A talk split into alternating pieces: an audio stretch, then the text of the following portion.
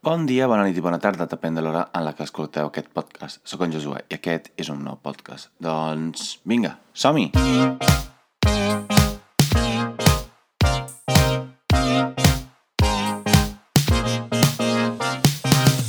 Doncs, com bé sabreu, jo he decidit començar aquest podcast eh, tant per un matís eh, personal, perquè jo volia eh, explicar el meu punt de vista i també perquè jo crec en aquest projecte. Encara que sigui un projecte que no em dona pas diners, és un projecte mm, que me, em vaig autofinançar i el temps que hi dedico i el, la maquinària, perquè m'he hagut de comprar una targeta de so,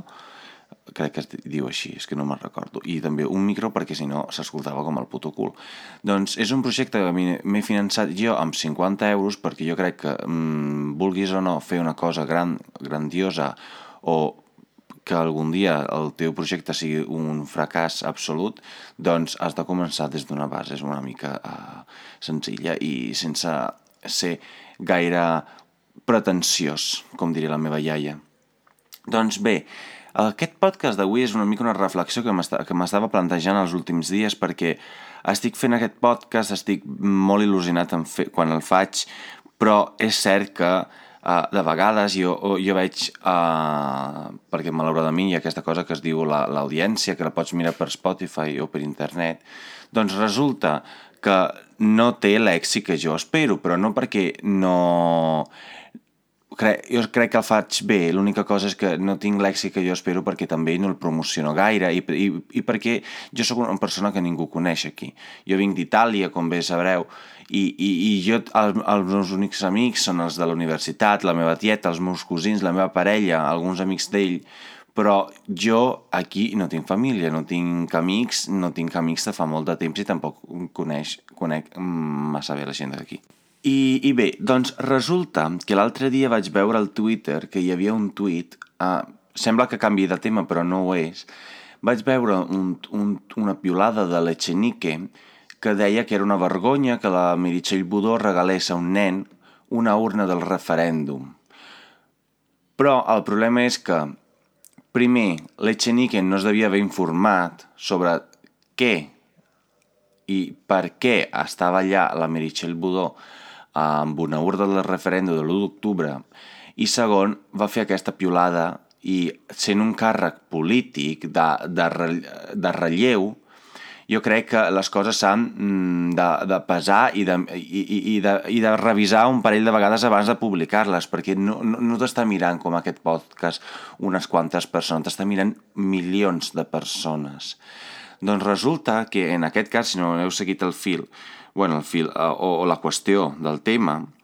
doncs la magnitud de la tragèdia va ser que eh, Ràdio Nacional Espanyola, si no m'equivoco, cada any eh, fa una, una recaptació d'objectes de personatges famosos o, o de relleu, de pes, i amb aquests objectes el que fa després és subestar-lo i amb els diners recaudats doncs compra joguines per, pel, per, pel moviment pel, pel, pel, sí, el moviment, li diria jo, de cap nen sense joguina. I la Xenica va fer a, a aquesta piolada, di, fent veure com que la Meritxell Budó, que jo crec que és una política que uh, t'agradi o no, però per aquestes coses té dos dits de front, té seny encara, cosa que altres polítics no tenen. Però jo crec que en, en, aqu en, aquest, en aquests temes, com és, per exemple, regalar una urna de l'1 d'octubre a un nen, jo no crec que el nen comença a jugar a la urna o fer-la servir com a caixa per guardar les joguines. Però jo crec que ella també ho sabia, com tot el govern de Catalunya sabia que no regalava una urna perquè un nen hi, hi pogués jugar. Doncs bé, què passa? Doncs estava mirant una entrevista perquè, perquè a vegades jo em menjo coco, bueno, és una expressió que no sé si existeix o bé o me la, me la vaig inventar jo, però em menjo el coco, em faig castells en l'aire, pel fet que dic, bueno, és que jo estic fent malament, si jo estic fent bé, i, i a vegades és frustrant el fet d'estar fent un podcast i estar pensant temes i estar rumiant i, i, i, i us ho puc certificar al 100%, o sigui, jo no hi puc dedicar tot el meu dia a dia, tota la meva setmana en aquest podcast, perquè malauradament eh, necessito menjar i necessito fer altres coses dins de casa meva i a banda de seguir amb la carrera. Però era interessant el fet que estava mirant una entrevista on explicaven que havien començat aquest nou projecte eh, molt, molt juvenil, amb moltes persones, moltes entrevistes, un projecte també s'havia creat, un, no diré pas el nom, però s'havia creat un organisme per impulsar tot això. I, i jo crec que uh, jo, has de tenir, primer, una bona idea, i jo crec que la gent que va fer aquest, aquest projecte va tenir una molt bona idea, però jo crec també que has de tenir una mica de sort, perquè no, no, tot, no tot és qüestió de tenir una bona idea, perquè jo tinc molt bones idees i en tinc de molt dolentes, com al meu dia tinc molt bones idees i en tinc molt, de molt dolentes. Però ni ell ni jo ens hem fet famosos ni ens hem fet uh, milionaris, ni, ni, ni, ni res d'això. Doncs jo crec que a vegades uh, el missatge que volem donar al, jo, al, al jovent ha de ser un, un missatge esperançador pels seus projectes, però també ha de ser un, projecte, un, un, un missatge realista, sobretot si venen de persones que tenen diners a casa, persones que, necessi que no necessiten un, un, un finançament extern, no necessiten ningú per poder començar alguna cosa concreta, perquè ja disposen dels mitjans necessaris per poder fer créixer aquest projecte, projecte tingui o no èxit després, però només per començar necessites uns mitjans, sinó tot els té, té a l'abast aquests mitjans. Doncs jo crec que, eh, sobretot si estem parlant de joves, tal i com estem en la situació actual, amb la Covid, amb la crisi, la, la, la que ens vindrà a sobre perquè poc se'n parla, però jo crec que hauríem de ser més conscients de, de, de com vivim, no hem de ser negatius, no hem de ser persones que només pensen en quina merda està tot, perquè jo sóc una persona d'aquestes, que només penso, mare de Déu, quina merda de situació, però també sóc una persona que jo em motivo molt. I, i jo crec que, tam, que per part d'aquestes persones que igual tenen més, més èxit i tenen més ressò que jo, doncs necessitaríem com a, a, a, Ita a Itàlia hi ha, una di hi ha una dita, una frase feta, com, digueu-li com vulgueu, que és un, un bagno di realtà, que significa un, un, un bany de realitat, o sigui, un, una, una presa de consciència de que vivim en un món on no tothom té els mateixos drets, sinó tothom té la mateixa uh, uh, importància i, i benefici i, i disponibilitat econòmica. I, i a vegades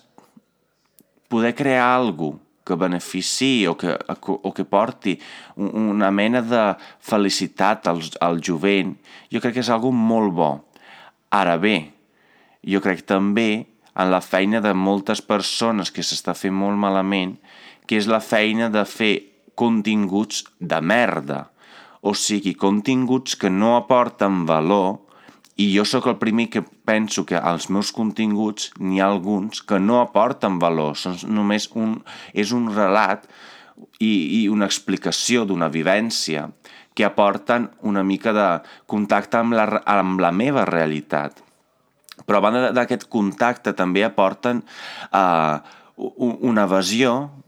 de, sigui de 10 minuts, sigui de mitja hora, depèn del podcast, però solen ser de 10 minuts, 15 minuts com a molt, doncs aporten aquest, aquests 10 minuts que tu dius, bueno, estic a casa, estic sol, estic fent alguna cosa, doncs em poso un podcast i començo a escoltar una persona que m'explica les seves misèries. I, I és el meu cas. Però, ara bé, el meu podcast és un podcast molt personal és un podcast que tant de bo fos, fos exitós i em pogués dedicar només a això perquè m'encantaria, però en comparació veia aquests programes perquè jo sóc molt fan i, so, i, i, jo sóc una persona que crec en el, en el jovent perquè jo sóc part del jovent i crec que necessitem fer uh, continguts, però hem de fer contingut de qualitat perquè fer un contingut per fer contingut em sembla horrorós perquè per això s'han creat aquestes, aquesta plataformes com, el, com pot ser el TikTok o l'Instagram, on tothom, perquè s'ha de dir clar, clar, i català també, perquè parlo català en aquest podcast, però no tothom ho val. No tothom es... O sigui, I mean, uh, not everyone is worth it. Mm, que no tothom mereix la pena.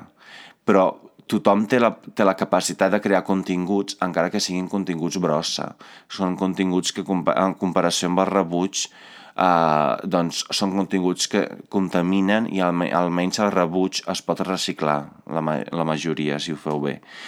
Doncs jo crec que uh, uh, el fil conductor d'aquest podcast, que, és, que bé, bé podia haver començat una mica ra raro, podia haver sigut una mica estrany,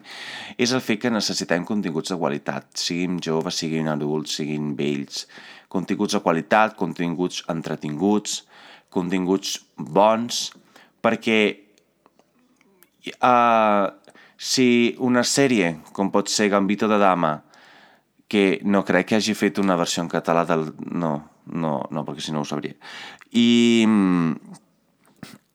ha fet que les vendes i les, uh,